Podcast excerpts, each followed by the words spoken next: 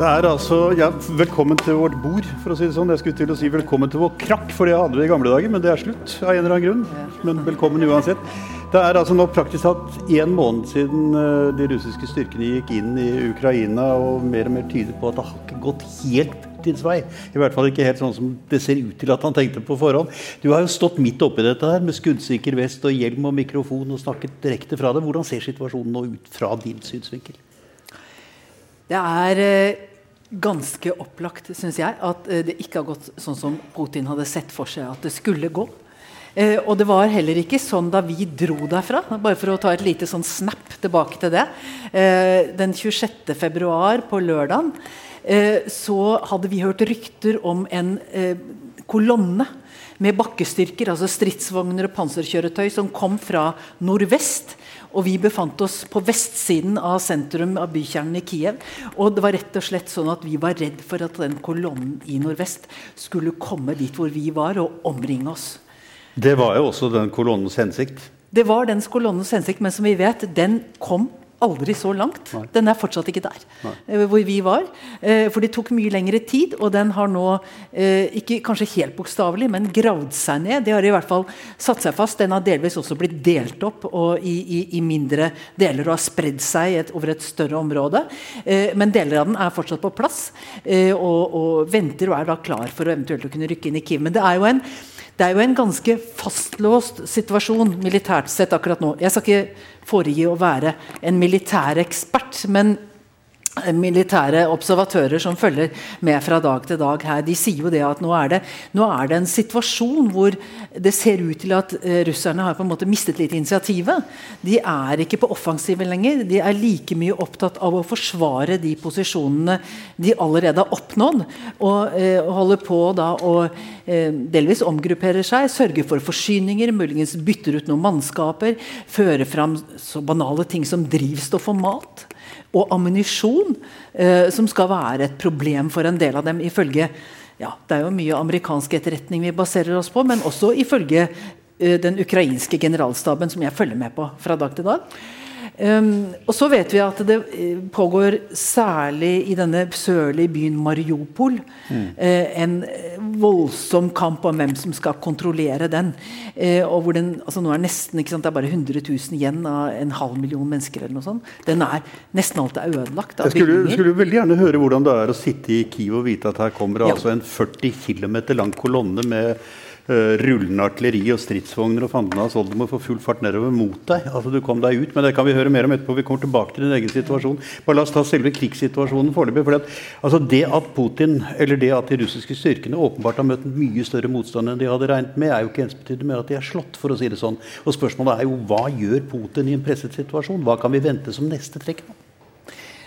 Det, det, man jo har vært redd for, og som jeg må innrømme Jeg satt mandag på, på vakt i NRK og leste at eh, nå hadde russisk artilleri truffet en kjemisk fabrikk utenfor en by som heter Sumi, som ligger litt nordøst for Kiev.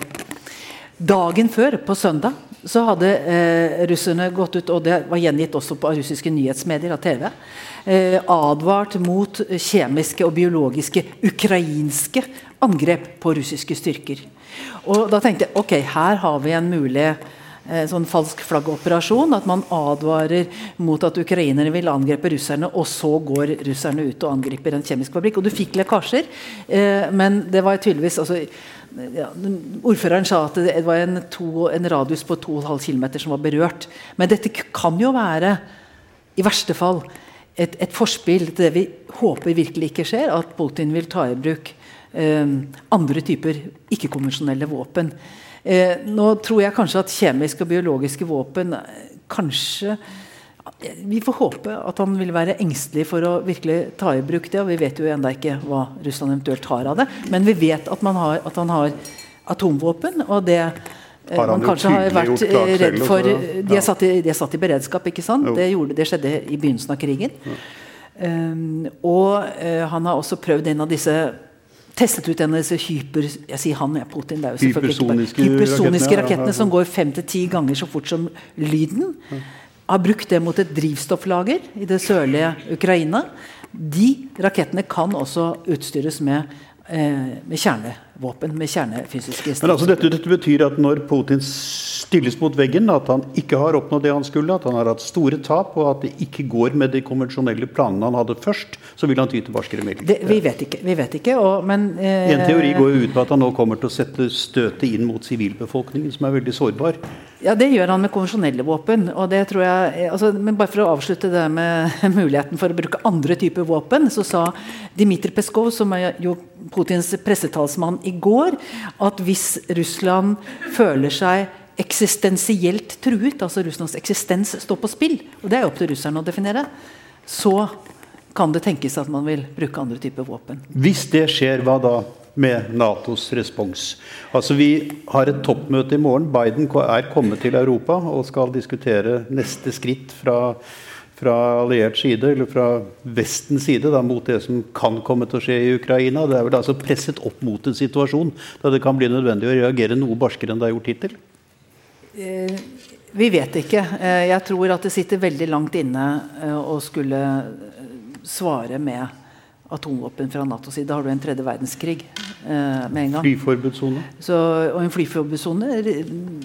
Der må jeg si at den linjen som både Nato og USA har lagt seg på, eh, har, vært, uh, har, vært, veldig tilbakeholden når det gjelder flyforbudssone. Og syns jeg er en ganske fornuftig linje. Men det er av samme grunn? Altså den angsten for at dette skal eskalere til å Åpenbart, fordi det vil det gjøre veldig fort, tror jeg. Og, og, og, jeg tror nok det er Vi skal vel snakke mer om det kanskje seinere, men, men, det er nok noe med Putins holdning eh, som er i retning av at hvis det skal gå til helvete med Russland, så skal det gå til helvete med resten av verden. De skal ikke gå ned alene. Men Kan det tenkes at et press mot den sivile befolkningen, en råere måte å opptre overfor den på, vil tvinge Zelenskyj, altså den ukrainske presidenten, inn i en posisjon hvor han må komme med konsesjoner i forhandlinger?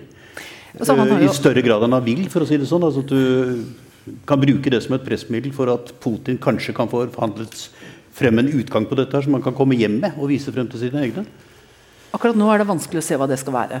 Fordi hvis eh, det, det Zelenskyj har sagt, at han kan eh, eh avstå fra Nato-medlemskap Han har sagt eh, antydet at han kan også eh, Vi er åpne for å diskutere dette med eh, og plassering av tyngre våpen, både i Ukraina og altså, tyngre våpen fra Nato-land i Ukraina og vil kunne gi noen noe løfter der. Men så er det dette med Krim eh, og eh, Donbass. Og vi vet jo ikke helt hva som ligger på tegnebrettet til de russiske forhandlerne når det gjelder eh, den, hvor stor buffer ønsker de seg mm. rundt Donbass, som da omfatter både Luhansk og Donetsk, disse utbryterrepublikkene. Eh, og vil russerne også kreve å ha kontroll med hele kysten? i sør. Mm. Som er da ikke sant, Mariupol, som vi vet hvor det pågår krig nå. Denne Azov-havet, som er et innelukket hav, på en måte. Mm. Eh, og hvor russerne kontrollerer jo stredet inn til det havet. Og så er det Svartehavet. Odessa, som jo er på en måte den eneste store store havna igjen som, som Ukraina nå kontrollerer. Og som russerne helt sikkert vil forsøke å ta kontroll over så snart de har tatt Mariupol og er ferdig der. på en måte, Så frigjør de de styrkene. Hva, hva, vil, hva, vil, Russland kreve av konsesjoner der? Vil de mm. kreve å ha kontroll over hele? Det blir veldig vanskelig for Zelenskyj tror jeg, å si at ja, du skal få hele kysten. Eller Ja. Eh, så, så, så vi, jeg tror at vi er veldig langt unna en forhandlingsløsning. Eh, PT. Og det er vanskelig å se hva russerne egentlig er villige til å gi som konsesjon ved forhandlingsbordet. Hva er det som er gått gærent i den russiske planleggingen? Altså, hva, er det, hva er det som har sviktet for Putin? Det, har han hatt dårlig etterretning å forholde seg til? Har han trodd at den styrken han selv disponerte over, var sterkere enn den var? Det er mye, mye diskusjon rundt akkurat det nå. Det er åpenbart at han har trodd at de var sterkere, tror jeg, og, og, og at dette skulle gå fortere enn det gikk. Mm. Og det har vi også uh, ja, øyenvitne altså Dette med at på soldatnivå ikke sant, Soldater som ikke var klar over at de, skulle gjøre noe annet enn å øve. Mm. Soldater som har eh, desertert, forsøkt å nekte ordre. Vi vet ikke hvilket omfang det pågår. fordi at det er klart, her har ukrainerne interesse av å maksimere. Mm. Blåse opp, mm. eh, blåse opp eh, disserteringer og andre, andre ting på, på, på, russisk side. Mm. Men vi vet at det pågår. Vi vet altså det, kan, det kan virke som om forsvarsministeren ikke står helt høyt i kurs i Kreml nå. Han har ikke vært avbildet sammen med Putin eh, siden eh, 27. 7, februar, ja, 27. 27. februar. Og heller ikke forsvarssjefen. Eh, sånn at Det virker som om de er litt Og, og eh, han som er eller ansvarlig for etterretningsoperasjoner inne i Ukraina, eh, militære etterretningsoperasjoner, han skal også sitte i husarrest. Altså, Sånn at han har det er, det så tyder jo på at det er noen som lider litt fordi at man ikke har altså de, blir Helt straff, fått det til, de blir straffet for at de ikke har gitt han eh, et, et, et mer realistisk bilde. Jeg må si at Den fyren som hadde ansvaret for etterretningen inne i Ukraina, må jo altså ha vært en øh, fyr som ikke har fått det helt til. For å si det sånn. For det er jo tydelig at i og med at de har undervurdert kapasiteten til de grader, så må jo etterretningen ha sviktet. Det, det er jo et, et, ja, det, det er helt åpenbart at den enten har sviktet, eller at man har eh, ønsket å bringe sjefen et gladere budskap enn det det er rot for i virkeligheten. Eh, og det, det er ikke så uvanlig når du sitter med autoritære lederskikkelser. Uh, og det kan jo også være at en del faktisk det siste ikke har trodd at det skulle bli krig. i, også de som sitter ganske nær eh, Putin. Det vet vi ikke. Men det var jo veldig interessant. Det var en, en video som ble lagt ut ja, det, det var en video som ble sendt ut av Kreml egentlig på, dette møtet i Nasjonale sikkerhetsrådet 21.2. Da det ble vedtatt at man skulle anerkjenne Donetsk og Luhansk. Hvor vi ser utenlandsetterretningssjefen bli irettesatt av Putin. Og han vet åpenbart ikke hva det er Putin hva det er han vil høre. Fordi Han presterte da å si at ja, målet er å um, innlemme Donetsk og Luhansk i Russland. Nei, nei, det er ikke det. Det er ikke det, sa Putin med et ironisk smil. Vi skal bare anerkjenne dem. Og det, det, det fortalte meg veldig mye, eller det var egentlig en bekreftelse av rykter som har gått, om at Putin er en ekspert på å sende ut så uklare beskjeder at det er en hel vitenskap å prøve å forstå hva det er han mener Også i hans egen indre Ja, krets. Ja, ja. ja. Også i hans egen. Når utenlandsetterretningssjefen ikke er sikker på hva det er Putin vil høre. På den dagen hvor du anerkjenner Donetsk og Lukansk, og han, Putin holder en, en tordentale øh, hvor han sier at Ukraina ikke egentlig er en stat osv. Men det, er, det, det, det Vi forteller kommer meg ganske tilbake til dette her med, med, innholdet i Putins hode etter hvert her. Bare litt tilbake til situasjonen. Altså, du nevnte for meg tidligere i dag at Russland nå tvangsinnrullerer folk i de områdene i øst, Donetsk bl.a., som, som de har kontroll over. I styrken, Det må da være et svakhetstegn? At du er nødt til å drive og liksom tvangsinnlemme sivile soldater i din egen hær for å bekjempe det landet den, de folkene kom fra? Altså, ja, ja. og dette er, dette er, jeg må si, eh, Novaja Gazeta, eh, avisa til eh, Moratov, som jo fikk nobelprisen, eh, det, det er en modig avis. Altså. De, han har, Mm. Det var derfor er han fikk modig. nobelprisen. Ja. Og de fortsetter å være modige. De skriver f.eks. ikke Uh, Istedenfor å skrive 'spesialoperasjon' i avisa, så skriver de De kan jo ikke skrive 'krig', for det er jo forbudt å skrive. Så skriver de 'klammer', prikk, prikk, prikk. Alle steder hvor det kunne stått 'krig'. og, eh, og her i går så hadde de en artikkel, en lang artikkel om eh, tvangsmobilisering av eh, unge menn da, i Donetsk og Luhansk. Hvor de bl.a. forteller eh, altså, helt horrible historier altså, om folk som eh, Bl.a. en gruppe medisinstudenter. Eh, som ble innkalt. Eh, og, de, og de fikk beskjed fra universitetsledelsen i Donetsk medisinsk institutt, om at de kunne møte opp på hva er det heter, vervingskontoret eller det militære registreringskontoret. Hva er det heter på norsk? igjen? Jeg klarer Rekrutteringskontoret? ja, ja. Um, Sesjon. eh, Ja, på sesjon. De kunne møte opp der, så skulle de få et dokument som viste at de var unntatt fra mobilisering. Og så, så, så er det da en som de har intervjuet, eh, Nova Gazeta, som sier at han, vil, han ventet en dag. Men flere av hans medstudenter gikk samme dagen for å få det dokumentet. Og han har ikke sett dem igjen. Altså De ble rett og slett tvangs... De ble tvangsinnlemmet. De ble presset til å gå med på å bli mobilisert. Og, eh, og disse, en del av disse som skal være tvangsmobilisert, er altså da sendt inn i Mariupol. ikke sant? Og dette var folk som hadde, Noen av dem hadde ikke militær, hadde ikke verneplikt, eh, hadde ikke bakgrunn fra militær bakgrunn i det hele tatt. Eh, og han sier at det er nå blant unge menn i Donetsk og Luhansk så er det veldig veldig mange som gjemmer seg rundt omkring i kjellere. Selvfølgelig ikke der de egentlig der de er bostedsregistrert, Mm. men andre steder. Andre steder, ja. Og han sier også at det er, det er en helt forferdelig situasjon hvor, hvor da, For at det er blitt vanlig å sende barna sine til å studere i områder som ikke er kontrollert av separatistene eller av, av, av disse opprørerne. Så de sender barna sine til universiteter som ligger lenger vest.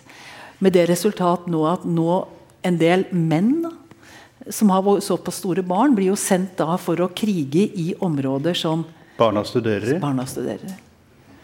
Eh, Så det er jo helt fortvilede situasjoner. Og, ehm, og han sier han ene medisinstudenten som er, som er intervjuet her, da, anonymt selvfølgelig, at ehm, de der studiekameratene mine da ble, når de kom til sesjon, så ble de, så ble de raskt registrert som frivillige.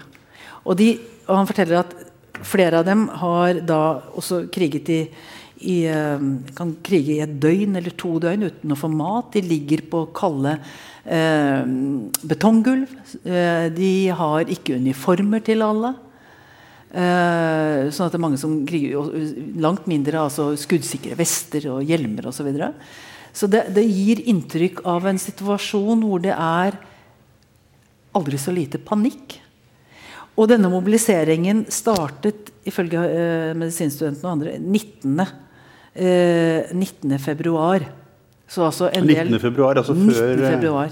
Flere ja, dager før, eh, før krigen startet. Det var jo da 24 om natt, natt til 24. Hva vet vi om tapstallene, apropos? fordi at En annen russisk avis, Komsomolskaja Pravda, skriver i dag at 900, 9863 russere er drept. Og seks eller åtte generaler. Ja, altså nå sier Komsomolskaja Pravda at de er blitt hack hacket, antagelig. Eller de undersøker saken. Altså, Ja, For den så- forsvant, den artikkelen, etter noen Den, etter den sånn- forsvant raskt. Og et så presist tall er egentlig ikke så veldig troverdig. Fordi at så presist kan man ikke vite det. Eh, men eh, sånn at jeg, jeg kan ikke Jeg vet ikke om, den, om, det er, om det er et tall som figurerer på et noe troverdig sted. Det er mindre enn det den ukrainske generalstaben eh, oppgir. Som er rundt i underkant av 15 000. Det var det i hvert fall for et par dager siden. Så det er mindre enn det. Det er nærmere de tallene som man bruker på amerikansk side, som amerikansk etterretning bruker. Men eh, det, det kan man ikke vite. Det, det, er altså, det siste etterretningstallet fra USA lå på omtrent det samme. altså Bortimot 1000. Nei, ti, jo 10 000, altså. Ja. Det er fryktelig mye mennesker. og Alle disse menneskene har familie hjemme i Russland. ja, altså Man skal huske på at det døde vel rundt 10 000 i Norge eh, under annen verdenskrig. I løpet av fem år. Det er mye på, på kort tid. Og dette er jo, dette er jo da eh, det russiske tap angivelig, og så er det mange tap på, på eh, ukrainsk side. Så vi vet, vi vet ikke hvor mange det er. Altså Vi har jo da med oss dette bildet av deg med hjelm og skuddsikker vest. og det er liksom, Du, du, blir litt forbauset over det er en mikrofon hun holder i hånden, og ikke et maskingevær. ikke sant, på en måte, Du ser nesten ut som du er midt oppi det. Men fortell meg, Vi snakket om dette her med at du befinner deg i Kiev når denne kolonnen rykker frem. Hva gjør dere etter dette? Altså, jeg mener, Hva foretar man seg når man er reporter i krig og ser at byen er i ferd med å bli tatt? For det så jo sånn ut for oss alle. For det første så er jeg veldig glad jeg har god hørsel. Og så hadde vi da med eh, kart. Papirkart. Vi var jo livredd for at Kan dere at, huske det? At det skulle, altså at det skulle gå At hvis mobiltelefonen skulle bli kuttet og internett skulle bli kuttet. Vi Ja. trodde det kom til å skje mye. Det har jo ikke skjedd. Nei. Så jeg kjøpte Jeg var oppe på Nomaden i, den dagen. Jeg, jeg, hadde, jeg dro altså med under et døgns varsel. Så jeg var på Nomaden og kjøpte Ukraina-kart. Og så angrer jeg på at jeg ikke hadde med meg kompass. Det kommer jeg til å ha neste gang. fordi det som skjedde, var at, min, at mobilkompasset det, liksom, det var veldig ustabilt. Okay. Og det var veldig viktig når vi, når vi Jeg så jo det smalt på tre kanter av oss. Vi, så vi så jo fulgte jo med på Det var jo drønn hele tiden og rød kveldshimmel. Og, og det var da kamp om flyplasser. eh, To militære og én sivil flyplass på tre sider av oss. Og så hørte vi dette at denne kolonnen kom. Og, og det vi da var redd for, var å bli omringet. Og eh, vi visste at de flyplassene lå såpass langt unna. Det, vi fulgte med på kartet og, og visste hvor langt unna det var. Eh, men, men eh, det kom, en, eh, det kom da en, en, som bodde på hotellet, løpende inn en dag og sa at eh, nå, har, nå, har, han sett en sånn mobil, en, russisk lastebil med artilleri på. Og han var sikker på at det var russer. Sånn at da tenkte jeg dette er, nå ser vi liksom biter av denne kolonnen på vei. altså Nå er de i ferd med å komme. Og, og, det var rett og slett Vi hadde jo da uh, hele tiden dialog med ledelsen hjemme, og som gjensto i dialog med et sikkerhetsselskap som ja. NRK samarbeider med. Og, og, da sa de at nå har dere kanskje et vindu som er lukket i morgen. Mm. Og da var det den kolonnen vi var redd for. Ja. Så da hadde vi tegnet opp på dette kartet her to rosa streker, eh, to alternative evakueringsruter. Og, og rådførte oss med sikkerhetsselskapet. Hvem skal vi følge? Mm. Følg den sørlige, sa de. Dra mot sør. Og stopp etter, altså bestemte hvilken by vi skulle stoppe i, og vurdere hvilket land vi skulle til. Ja. Eh, for det visste vi ikke da vi dro. Og, og, og, Hvilket land dro dere? Hvor, nei, så, hva ble ruten til ja, så, ble, så, ble vi, så, vi, så, dro vi et stykke videre, og så snakket vi jo da med kontrollposter, ukrainske soldater på kontrollposten. og sånn, for at vi da, Det var noen veier vi ikke kunne kjøre på, var, der hadde det vært uh, kamper osv. Så, videre. så vi, vi, var jo ute på sånne, sånne kjerreveier hvor det var bare så vidt vi kunne kjøre. Ja. Uh, for å kjøre rundt av steder hvor det var, hadde vært kamper osv. Og, og så ble det Moldova. Og så sto vi 15 timer i kø for å komme inn i Moldova og, gjennom hele natta. Eh, og da er det sånn da er, da er, det Det er jo ikke akkurat noen toaletter i nærheten, for å si det sånn. Nei, jeg vil jo tro det. Nei. Nei. Og det er mange som står i kø. Ja. Ja. og jeg syns så synd på de som bodde på siden der. Men dette var flyktninger altså? stort sett? Ja, det var flyktninger. Vi sto i kø. Ja, hva, hva, gjør du i en sånn situasjon? Kunne dere gå blant dem med kamera og snakke med dem? Og... Ja, vi kunne jo det, men det var jo mørkt da med tiden vi sto der hele natta. Og så, og, så, var det jo sånn at vi var jo to stykker, så én måtte sitte ved rattet. Så fotografen eller jeg måtte sitte, måtte kjøre. Kjøre, ja. Eh, kjøre, sitte og Ja, vi beveget oss. Sånn en meter, en altså, på fem liksom, første timene mm. beveget vi oss uh, 200 meter. Hvordan fikk dere ut stoff fra disse situasjonene der? Så dere hadde ikke satt portable satellitter? Vi leverte ikke mens vi satt i køen okay. for å komme ut, for vi skulle ikke si hvor vi var hen. Og det mener jeg kanskje Det kunne vi godt ha gjort, men da var det der eh, ryggmargsrefleksen som ikke stammet fra den krigen, men fra forrige krig, krigen mot terror. Men jeg, for vi kunne godt ha fortalt hvor vi var hen. Det hadde ikke gjort ja, noen ting. Det var ingen der som var ute etter å kidnappe meg. Eller, eller, ta utstyret vårt. Så, men hadde det vært krig mot terror, så ville vi vært engstelige for det ved å si hvor vi var hen. Men ja. Så, så vi, vi, skulle holde det hemmelig til vi var over eh, i Moldova. Og faktisk mens vi sto i tollkontrollen på eh, grensen mellom eh, Ukraina og Moldova, så gikk flyalarmen rett over grensa i Ukraina. Men det, det, det, det, er til dags dato ikke bombet der, altså, så det var en falsk alarm. Og det var, jo, det var jo også noe av det som var veldig rart. at da vi var i uh, Kiev i dagene før, så var vi jo nede i bomberommet og skulle se på beredskapen. Og da fortalte en sånn dame som hadde ansvar for sivil beredskap, hun hadde aldri vært med på en øvelse nei, med flyalarm. Nei, nei, aldri. De sa vi, ja, vi skal kjøre rundt med biler med megafoner sa hun. Hvis eh, det, blir, eh, hvis det er fare for Altså, der var det. Vi skal bruke biler med megafoner. Mm. Og det fantes jo ikke noe matlagre. og det var, Vi besøkte et bomberom som skulle være da et av de virkelig solide. Altså Av 4500 tilfluktsrom i Kiev så var det regnet at 500 kunne stå imot flyangrep og være sikre under flyangrep. Andre, andre i andre var eh, kjellere veldig mye. Det er litt rart, dette her. Altså, altså, hva, hva, kan du si om det du opplevde av motstandsviljen blant den alminnelige ukrainer? på en måte? Altså, Du er der jo i overgangsfasen, og de tror altså ikke på noen invasjon. Så kommer invasjonen. Og da ser vi jo bilder av bestemødre som tar med seg sine barnebarn for å lære å skyte med kalasjnikov, eller hva de nå har for slags våpen. Så ja. de, de må jo ha vært ganske besjelet. Altså, jeg var jo også tilbrakt en lørdag sammen med Heimevernet, vil jeg si. Ja. ja. Uh, og, og det, de var jo veldig, veldig mobiliserte, kan du si, og veldig klare til å krige. Og jeg tror det er holdningen. Etter at krigen var brutt ut, da folk liksom virkelig tok det på alvor, så var jo situasjonen den at vi visste ikke hva slags krig dette kom til å bli de første dagene. Så vi var jo overdrevent engstelige for å gå ut i gatene. Gatene var jo helt tomme. Hadde vi gått ut, så hadde vi ikke truffet noen. Altså, vi måtte jo ned i bomberommene. Da, men til å begynne med, Første gangen jeg gikk ned i, på metroen for å gjemme meg for flyalarm, så gikk jo metroen. Altså det var Flyalarmen gikk, men metroen gikk jo også. for der, Hun som satt i kassa sa at nei, vi har ikke fått noe beskjed om at, at vi skal være bomberom fra nå av.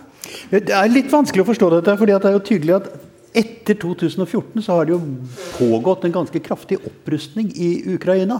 Det er jo tydelig at de har trent. De har altså bygget opp en slagkraft som kom totalt overraskende på Putin.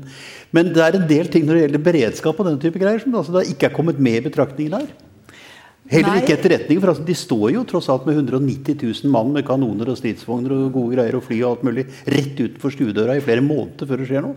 Men du skal huske på at Zelenskyj, presidenten, sa noen få dager før krigen startet, så sa han henvendt til egentlig amerikanerne og til Vesten da, eh, Vis oss bevisene. For, at, for at de sa jo hele tiden det kommer et angrep. Og så sa de det kommer et angrep onsdag. Det var onsdag 16. Så kom det ikke onsdag 16. ikke sant? Eh, og, og, så sa han, så gjentok han flere ganger dette med 'gi oss bevisene' på at det kommer et angrep. Og, og det gjorde jo at stemningen hos oss journalister også gikk jo sånn. ikke sant? ene dagen så trodde vi at det ble krig, og neste dag så trodde vi at nei, den kommer ikke likevel. Mm. Og, og, og, det, og, blant ukrainere så var nok måten Zelenskyj også snakket om dette på, tydet ikke på at han trodde at det ble, virkelig ble krig. Mm. Uh, så, så um, vi møtte nesten ingen, vi, mm. som trodde at det ble krig. Og jeg snakket lenge, et, et, par dager før det startet, faktisk. Så snakket jeg lenge med en tidligere forsvarsminister. Andrej Sagorodnyk, og vi brukte han også i Urix-sendinga vår. Mm. Um, og han, når jeg sa hvis du skulle sette penger på noe Nei, han, han trodde i det lengste heller ikke at det ble krig, Sånn. Mm. Så det, det, Men det, betyr at det var altså ingen krigsmobilisering i den ukrainske hæren på forhånd? da?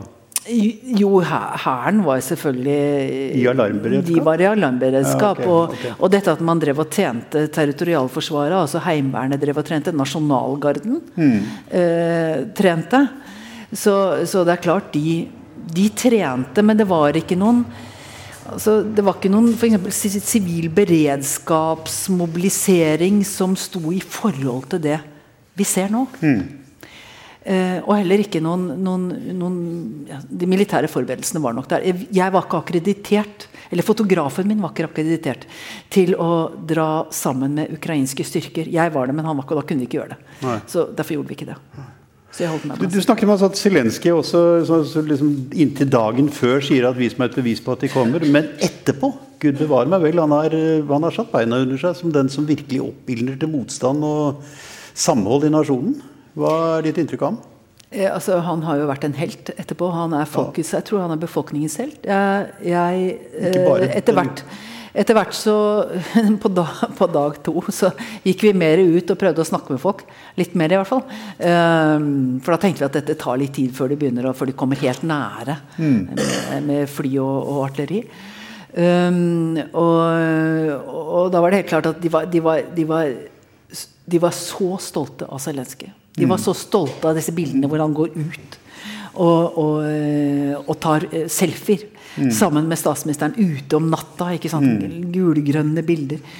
Og, og, jeg tror det har betydd utrolig mye. Mm. Og det var viktig for Zelenskyj, fordi det folk hadde i, hu, var jo Afghanistans president som, som rømte før. Ja, ja akkurat. Ja. Mm. Så det var veldig viktig for han å gi et annet inntrykk. Mm. Og det har han virkelig klart. Mange som sa de stemte ikke på han, men nå mm. er han vår helt. Det er jo altså en nasjon som er 30 eh, år gammel, holdt jeg på å si, siden den liksom da brøt ut fra Sovjet, Sovjetunionen, som hadde rast sammen. Og du ser vel altså en, en, på en måte litt sånn norsk vilje til å sette beina under seg som en selvstendig nasjon, som er mer enn en teori. Altså det virker som det syder gjennom hjerter og nyrer og lever holdt jeg på å si, på folk. altså Det sitter inni dem. Helt, eh, helt åpenbart. Altså du, det er klart at Ukrainerne har jo vært en nasjon, men de har ikke vært noen nasjonalstat. På, på en sånn egen, altså Som har hatt sin egen stat til å hegne opp sin nasjon. De har jo vært en del av det russiske imperiet ikke sant, veldig lenge. Eh, og, og, akkurat Putin har jo rett i det at de har en veldig sammenvevd historie. Eh, Eh, så, så, så det, det, er det ikke noe tvil om de har. Og den russiske staten og den ukrainske staten har begge røtter i Kiev-riket. Uh, så, så, Derfor er dette så viktig for Putin også. Mm. Men, men, Ukraina har jo virkelig utviklet seg som en nasjonalstat i mm. årene etter Sovjetunionens sammenbrudd. Det, det, er det jo ikke noe, noe tvil om. og de Eh, de snakker jo eh, altså, ukrainsk som hovedspråk i veldig store deler av landet. Du kan si at det hadde kanskje vært lurt å beholdt russisk som et annet språk. Det er et av Putins store an ankepunkter nå. Punkter nå. Mm. Um, kanskje det hadde vært taktisk lurt å vært såpass sjenerøs overfor russisktalende befolkning. Men det er veldig mange, f.eks. i Kiev så er det jo veldig mange som er reelt tospråklige. Altså Blant ukrainerne også. De veksler mellom ukrainsk og russisk. Ja. Veldig fritt. Men som en, en dame jeg traff på flyet ut, som eh, faktisk ut fra Bucuresti til Amsterdam. Eh, som hadde med seg et lite barn. Jeg skrev også en historie om det på nettet. Men hun hadde med seg sønnen sin som, som sa til mammaen sin 'Mamma, kan jeg snakke russisk nå?' Og, det, og det var for, De var ukrainske, de var ikke russiske i det hele tatt. Nei. Men det var bare at de hadde egentlig snakket russisk hjemme. Mm. Eh, og så hadde moren sagt at, prøvd å lære han til å snakke engelsk. Mm. For hun tenkte i tilfelle rottefelle så er det veldig godt at han kan engelsk. Og han var seks-sju år eller noe sånt. Ja, ja. ja. ja. Så, mm. Men altså det, det, betyr at hvis jeg forstår deg riktig, så er det jo da vokst frem en opplevelse av en nyvåknet nasjonal eh, bevissthet uh, som krever optimalt autonomi og en avføder en vilje til å kjempe for den autonomien, altså for den selvstendigheten. Og det er jo det vi ser vel at Zelenskyj har vært i stand til å uh, hva skal du si, aktivere, til å få opp, til å gi innhold, nerve, følelser. Og det emosjonelle aspektet blir ganske viktig i en sånn situasjon. ikke? Veldig. Og det er jo det som får Altså, det er jo den følelsen som gjør at eh, alle de små slagene, ikke bare om de store om Kiev og Mariupol, og sånt, men alle, alle, veiene fram til hovedstaden som skal sørge for for at, de, at russerne Eh, klarer også å innta hovedstaden sørfra også, som de, jo, de har forsøkt å gå nordover. Mm. Det er alle disse små slagene som nettet bæres oppe og næres av den nasjonalfølelsen mm. som, som, som, jo Zelenskyj er veldig god eh, til, å, til, å, nå mobilisere og mm. spille på også. Og det er, det er som, en liten by som heter Vosnisensk, som ligger nordvest for Mykolajev, som er en stor havneby masse industri osv. Hvor altså russerne i to omganger prøvde å ta byen. Med 400 mann var det først, og 43 eh, stridsvogner og panserkjøretøy. Um, og da ga ordføreren ordre om å sprenge brua om å grave ut elvebredden, sånn at det skulle, når brua var sprengt, at det skulle bli vanskelig å ta seg over der hvor det var lite vann. Eller at man ikke skulle liksom lett kunne bygge opp demninger og ta seg over med, med kjøretøy. Om å bygge med, opp med sandsekker osv. Det så jeg jo selv, hvordan de veldig raskt var i gang med å bygge sandsekker og skyttergraver. Mm. Det var Da vi kjørte og evakuerte, så så vi det hele veien. Men dette med å og da, Å mobilisere alt, og russerne slapp fallskjermsoldater ned i denne lille Vosnisensk-byen. Eh, men de svarte altså ta det de hadde av jaktvåpen og, eh, og også mer militære våpen. Mm. Og javelinraketter, som er da panservernraketter som de har fått fra amerikanerne. Også noen fra esterne, faktisk. Er det ikke noe fra Kongsberg eh, Men det er amerikanske. Det er amerikan ja, ja. ja, Og PVRK fra Kongsberg? også? Ja, og det også. Men akkurat her skal det ha vært javelinraketter, ikke Kongsberg-raketter. Ja, okay. Men de, de, legger seg liksom, De er mobile, de går til fots, risikerer livet. Går til fots. fots er altså i, en, i, disse her små byene så ligger de klare når de forsøker å komme til elva og prøve å finne måter å komme seg over på. Så ligger de klare. Og på den måten så klarte de faktisk å drive da, russiske styrker som var mye bedre utstyrt teknisk sett på, på retrett. De påstår at de har drevet dem 120 km lenger sørover. Det høres mye ut. Eh, jeg vet ikke om det er riktig, men altså, de har i hvert fall drevet dem unna. Man skal være forsiktig med å si det, men altså, hvis du tenker at en god del av de russiske soldatene som er inne i kampen mot ukrainerne, ikke vet hvor de er, og ikke vet hvorfor de er der, fordi de trodde de var på øvelse utenfor Ukraina, og så møter de mennesker som er besjelet av en kampvilje som er sånn som du sier nå, Dad's old, uh, own army, ikke sant, på en måte, eller hjemmevernet som da kjemper med alt, så er jo altså kontrasten i dette krigsbildet ganske spesielle. Ja, det er det. Og det er, jo, det er jo selvfølgelig fortvilet for mange av de unge russiske soldatene som er sendt ut uten å vite ja. hva de uh, egentlig skulle være med mm. på. Og, Og, og, veldig mange russiske familier har jo slektninger i Ukraina. Altså det, de er, det, er, mange blandingsekteskap. Det er mange som rett og slett har altså disse Skjebnene til disse folkene er så tett sammenvevd. Mm.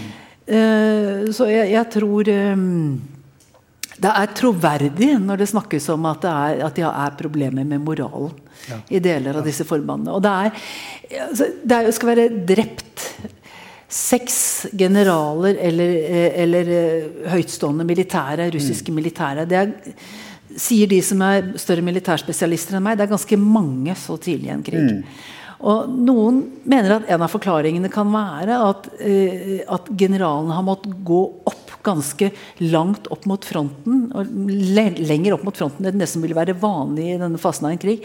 Nettopp for å sørge for å holde moralen oppe og styrkene. Oh ja, eh, og det skal også i perioder ha vært problemer med sambandet, med radiosambandet. sånn at det å da være til stede har vært kanskje noe for å bøte på det. Mm. Eh, jeg vet ikke om det er forklaringene, sikkert ikke i alle tilfellene, men, men det er, de har altså hatt større tap enn det, det er, Det er jo overraskende at så mange generaler er eh, falt på slagmarken, da, for generaler er stort sett beskyttet ganske ja, langt bak ja. fronten.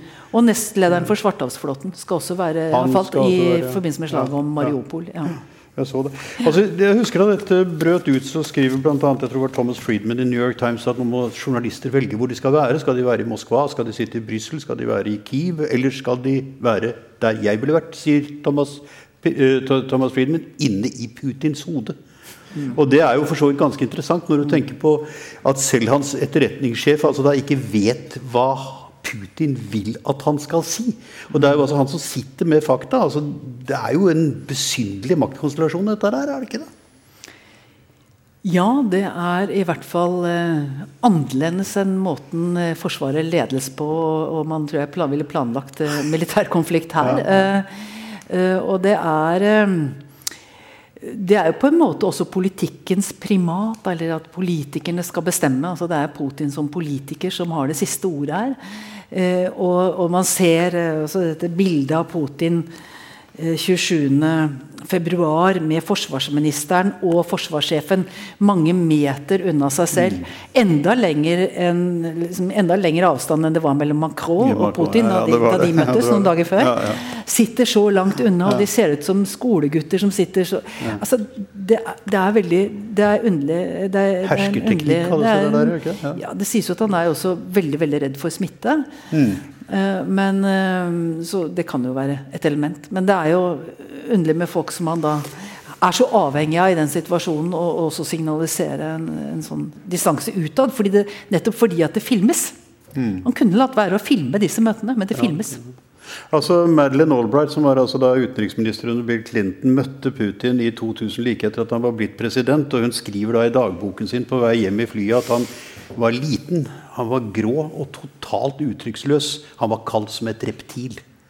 Og det høres jo altså i høy grad ut som beskrivelsen av en psykopat, gjør ikke det? Du har møtt mannen selv. Jeg vil ikke gå inn på å psykologisere eller gi noen diagnoser på Nei, du skal få slippe det, men altså, det er i hvert fall en spesiell mm. holdning altså, som kommer til uttrykk. Ja, men du har truffet ham selv, har du ikke det? Jo, altså, jeg intervjuet han i 1999 i Oslo da han var her som statsminister, på Grang, husker jeg. Mm. Grang Hotel.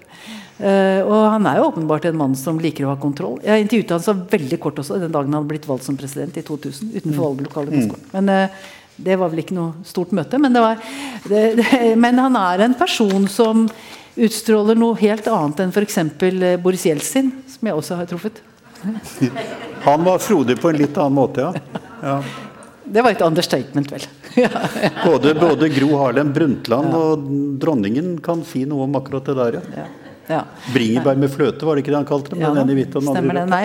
Nei, men han, han, er jo en, en, mann som har veldig kontroll. Og det, det skal også sies eh, om Putin at han overtok et Russland som var i ferd med å falle litt fra hverandre. Mm. Altså jeg tror, den, jeg tror, det var mange i Russland som var redd at det ville skje det samme Russland som hadde skjedd med Sovjetunionen. Mm. De hadde altså rike russiske regioner hadde innført eh, skatteparadiser eller hadde, hadde, unntak fra nasjonale skatteregler. De som produserte gull og diamanter i Saha f.eks. hadde spesialregler.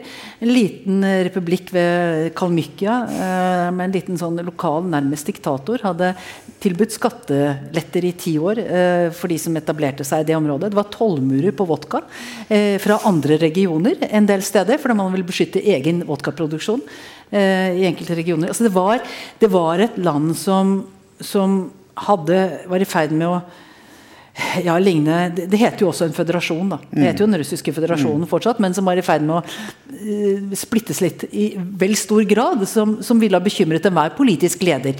Dette tok Putin fatt i. Dette tok Han fatt i. Han tok fatt i, innførte flat inntektsskatt på 13% og fikk orden på en del ting som var helt nødvendig å få orden på.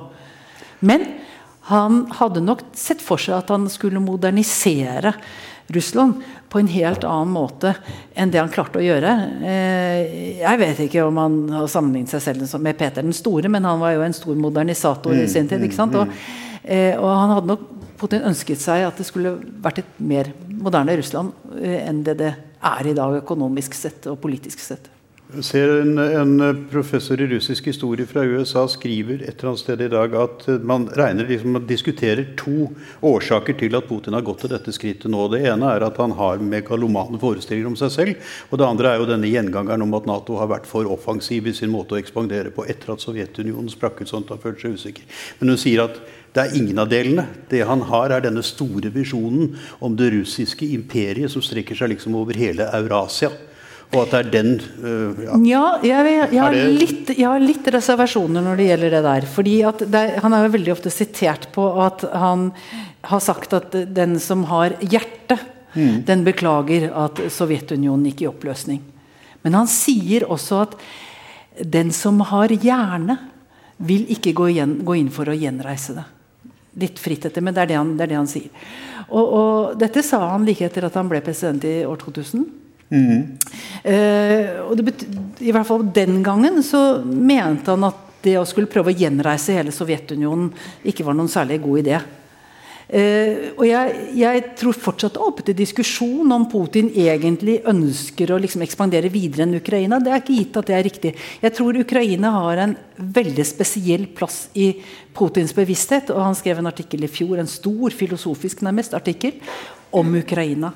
Eh, og, og det er eh, det, det, er rett og slett sånn at i hans, i, i hans eh, bevissthet så er roten, eller så, så, er, så, er, de historiske røttene til den russiske staten er jo i Kiev-riket. ikke sant? Og, og, han mener da at de er egentlig et, og samme folk. Jeg tror han mener det. Han, den, den ortodokse religionen har jo også, også første dåpen, den ortodokse eh, dåpen, eh, skjedde jo også da, i det som i dag er Ukraina. Er det ikke der, altså, og, og, og, det er, jeg tror rett og slett at det, han, han, det er så viktig for han Ukraina at du kan ikke slutte, selv om han gjør det han gjør nå, at han egentlig ønsker å gjøre det samme med alle de andre 14, eller alle de 13 andre da, eh, tidligere sovjetrepublikkene.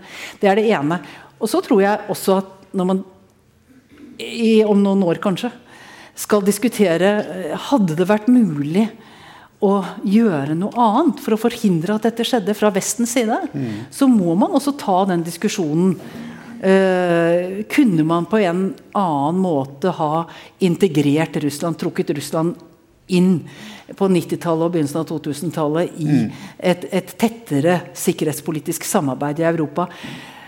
Og samtidig selvfølgelig ivaretatt behovet for sikkerhet for de, eh, nye, eh, de nye frie statene, enten det er Baltikum eller de som tidligere har vært med i Warszawapakten mm.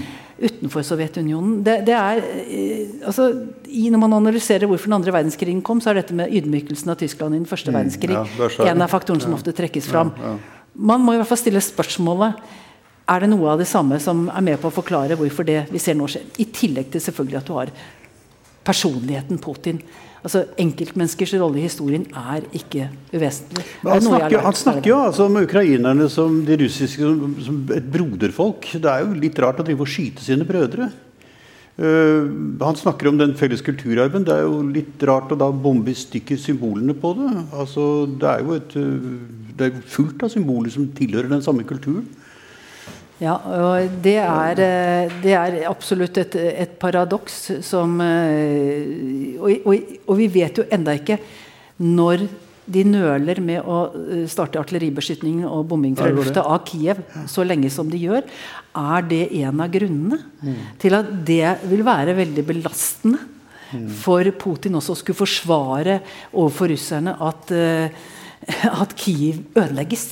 Legges i ruiner. At disse fellessymbolene, som han hevder jo da også ja, og som han med rette for så vidt sier også at det er opphavet til den russiske statsdannelsen en del av opphavet. Det, det, tror jeg vil være vanskelig. Det tror jeg vil være vanskelig. Nå er vel også Putin tolket som i noen grad en person som, som forakter den vestlige demokratimodellen. Han snakker om dekadanse i måten det er på den frie kapitalismen osv. Uh, ligger det også som en drivkraft i dette en angst for at Ukraina skal gli inn i den vestlige familie og på en måte adoptere uh, de verdiene vi i Vesten forholder oss til? Altså en fri økonomi, en ja, fritt demokrati, partibasert osv. osv.? Altså, det har han jo sagt. Ja, ikke sant? At han det, ikke, det er nok til å gå til krig? At det er det, at det, er det uh, Vesten forsøker å få til. Ja. Og at det, det, det, går ikke. altså At Vesten må respektere våre grenser. på en måte, Det er jo det han har sagt hele tiden. Mm. Uh, så, så uh, Og det var jo det som var liksom, utgangspunktet også litt for konflikten rundt Maidan. ikke sant? Jo, jo. Da, var, eh, da, da, var det 2014 var spørsmålet om EU-medlemskap eller ikke. Ja, ja. Mm. Eh, hvor det også var en slags sånn smerteterskel for, uh, for, for Putin. Mm. Var, var, vanskelig å skulle akseptere at det gikk inn i EU, eventuelt. Mm. Så, så, det er klart at det og dette, Men dette berører jo også en, en, stor prinsipiell diskusjon som ikke har bare med denne konflikten å gjøre. Men, men er det slik at store stater som, som eh, Russland, Kina, USA eh, fortsatt i praksis opererer eh, som om dette med interessesfærer er viktig, og det betyr mye for dem? Eh, eller er vi liksom forbi det stadiet, som det har vært sagt fra vestlig side eh, ganske lenge, at vi er egentlig forbi det stadiet? Ja, eh, det finnes jo også belegg for å si at USA i sine nærområder opererer som om det gjelder fortsatt, når de f.eks. ikke har løftet blokaden overfor Cuba mm. Eh, så, så, lenge etter at den kalde krigen var over. Mm. Eh, så, så, det er jo rester av det, kan du si, av denne, denne interessesfæretenkningen flere steder i verden. Mm. Eh, og, og, det er jo sånn som småland som uh, Norge. Ukraina er jo ikke noe lite land, men, men mindre land ikke liker. For vi vil jo gjerne at, at de internasjonale systemene, at internasjonale organisasjoner, måter å binde opp land på i felles avtaler, skal være det som mm. gjelder. ikke sant? Og det er i vår interesse. Men, men det er altså ting som tyder på at det er ja, Putin er i hvert fall ikke helt enig. Nei, han er ikke helt Nei. enig. Men altså, den eneste allierte han har hatt nå, er jo faktisk Hviterussland. Men det er jo tegn som tyder på at det ikke kommer til å vare evig heller. Nei, Det virker jo som om Hviterussland nøler veldig med å bli trukket inn i krigen. Ja, det er jo en del eh, hviterussere de... som slåss i Ukraina nå, på ukrainsk side? Ja da, det skal være noen, men vi vet ikke Jeg har ikke noen mulighet til å si hvor mange det er. At det finnes enkelt, og det finnes sikkert også noen som er inne på russisk side. Men, men, men det viktige er vel akkurat nå at, at Lukasjenko selv om han både er veldig avhengig av Russland og mm. står, har stått nært Putin nå i liksom oppkjøringen til krigen, så, så, nøler han med å bli, eh, bli trukket inn. Eh, og måten krigen nå forløper på, gir han sikkert ikke så veldig mye mer lyst til å bli trukket inn. Vi hører at uh, ukrainere med slektninger i Moskva er litt fortvilt. For dette ringer og forteller om at her bombes det rundt oss, og her er krigen i full gang, og russerne rykker frem. Og så sier da de som sitter i Moskva nei, det kan ikke være riktig, for det er ikke det vi hører. Uh, det er en propagandakrig dette her, i ganske stor grad, og han har brukt forholdsvis friske midler. Altså Få 15 års ubetinget fengsel for å si at det dreier seg om en invasjon, er ganske sterke grep. Han holdt en tale for ikke lenge siden som ble betraktet som en tordentale. hvor Han advarte mot femtekolonister og saker og ting. Og, og forrædere. Mm. Og forrædere, ja. Mm. Og de skulle bli Hvor lenge kan han holde De kommer inn som insekter, sa han i munnen, og da skal vi bare spytte, spytte dem ut igjen. Ja. Ja. Uh, nei, altså Vi ser jo at uh, folk som, selv folk som har stilt opp på Den røde plass og demonstrert med blankt ark, ja, uten noe skrevet på, bare stått med blank papirlapp, har jo blitt pågrepet. Ja. Og så har altså, jo hun vår kollega da, som spratt frem med et ark som ikke var blankt, holdt jeg på å si, bak programlederen i hovedsendingen. I, i eh, den modige kvinnelige journalisten, ja, som ja. var veldig, veldig modig gjort. Og vi vet ikke helt hva som nå skjer. Men hun fikk jo en bot i første omgang. for en twittermelding hun hadde skrevet før ja, ja. det der skjedde. Men jeg, jeg bare tenker på at altså, sant, Man kan holde sannheten nede inntil et visst nivå. Men tenk på hvis flere og flere unge russiske soldater dør i Ukraina, så har de mødre, kjærester, venner, brødre osv. i Russland som jo vil begynne å snakke og spørre. Og du har vel altså da et etterretningsapparat, du har en eh, nomenklatur, altså et, et, eh, byråkrati som kan og vet en god del ting om dette. Du har et diplomati, det sitter ambassadører rundt omkring uh, i alle retninger. Og sier hvordan reaksjonene er. Hvor lenge kan han drive og holde kontroll over meningene, tror du? Altså, det, det vet jeg ikke. Jeg tror at Eh, det er veldig massivt, det som kommer ut på TV nå. Jeg, føler, jeg ser litt på russiske nyheter, og det er, jo, det er jo hver eneste dag så handler det om at dette er kampen mot nazismen. nazismen. Mm. Det fremstilles jo nesten som en fortsettelseskrig. Mm. Eh, og, og, det er jo slik at vi vet at ja, altså det var nazister i Eller folk som heller foretrakk Tyskland enn Sovjetunionen under andre verdenskrig. Ja. Og det har vært eh, i, eh, i, Mariupol så var det eh, I forbindelse med kampene der i 2014 så var det den som heter Azov-bataljonen, hvor det også var ekstremt mm. høyreorienterte og nynazister. Ja. Og Azov-bataljonen ble tatt opp i Nasjonalgarden og heter nå Azov-regimentet. Og de har hovedkvarteret sitt i Kiev. Men den, jeg tror ikke den er like det er ikke sånn like entydig lenger høyreorientert. Det er litt ulike grupper der, og de rekrutterer jo også utenlandske soldater. Men det at den finnes, mm. eh, og, og, det er det ikke noe tvil om, eh, det brukes jo for alt det er verdt. Mm. Altså Det brukes jo helt maksimalt. sånn at De fremstiller Zelenskyj som egentlig bare redskap for nazistene. Mm. Og, og, det var jo klart, i, i, også i, i Lviv i vest så var det jo grupper der under annen verdenskrig som jo drepte både jøder og polakker. Altså det, mm. de, de, var uh, i hvert fall i en periode uh, mer vennlig innstilt overfor tyskerne enn overfor uh, russerne. Helt klart. Mm. Overfor sovjeterne. Så dette brukes jo, og det, det, det, pumpes hele tiden at det mm. er kamp mot nasjonalister, nazister, terrorister. Hele tiden. Mm.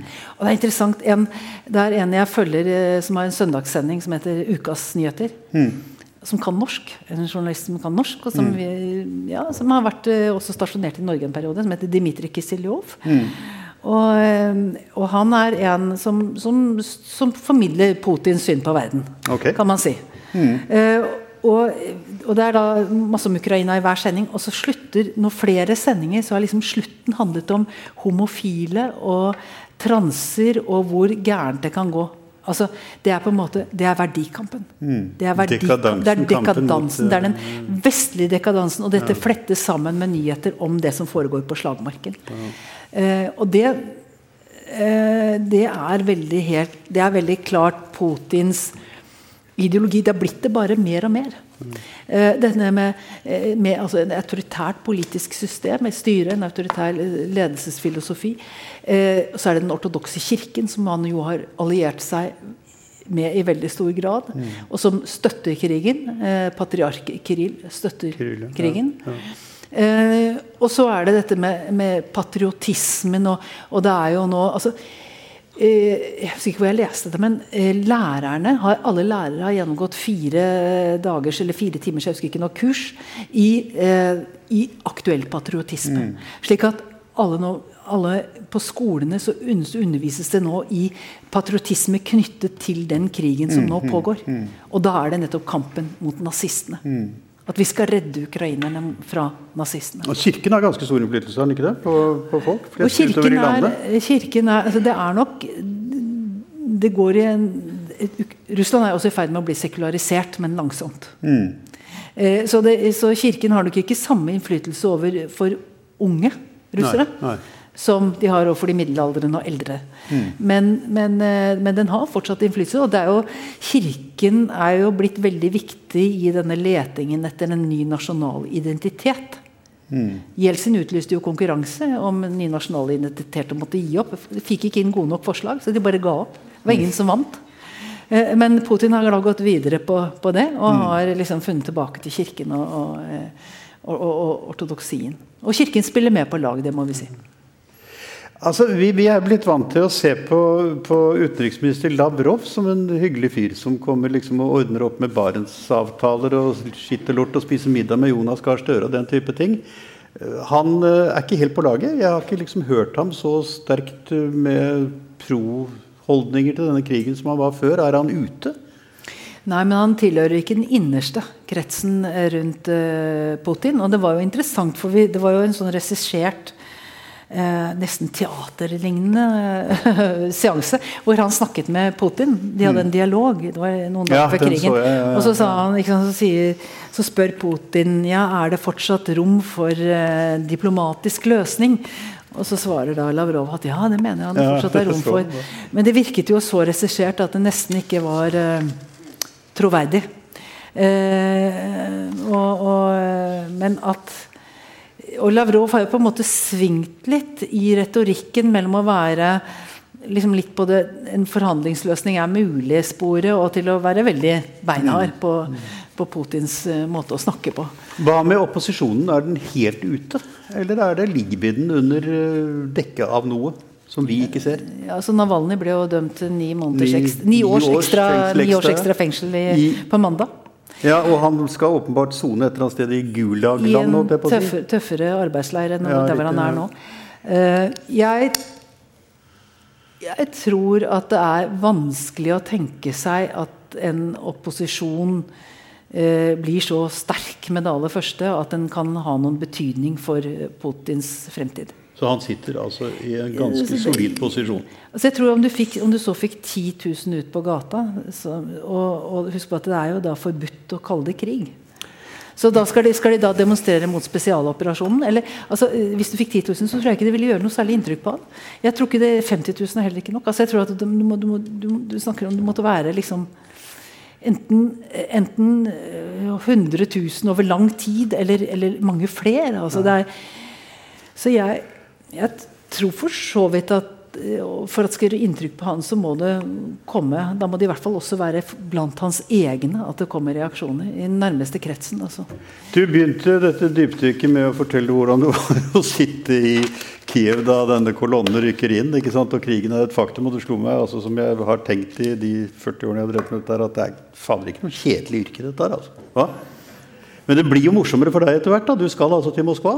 Mm. Bosetter deg der igjen. Og til og med ta med deg en sammenleggbar kano i ryggsekken for å padle tur på elven, har jeg lest. Jeg tror jeg kan trenge det. Fint, det. Jeg tror jeg kan trenge det litt innimellom. Noen turer på Moskvaelva. Ja. Ja. ja, vi får se. Det er eh, i hvert fall, altså det har kommet en ny medielov som uh, vi ikke er helt sikre på at ikke også gjelder oss. Ah, Dette med at okay. du kan få 15 års fengsel for å snakke om krig. Da blir det kanskje vanskelig hvis det gjelder oss også, som publiserer i utlandet. Mm. da blir det nok vanskelig kanskje å sitte der. Men jeg håper at, eh, at, det skal bli mulig å rapportere der. For jeg tror det er viktig å være der.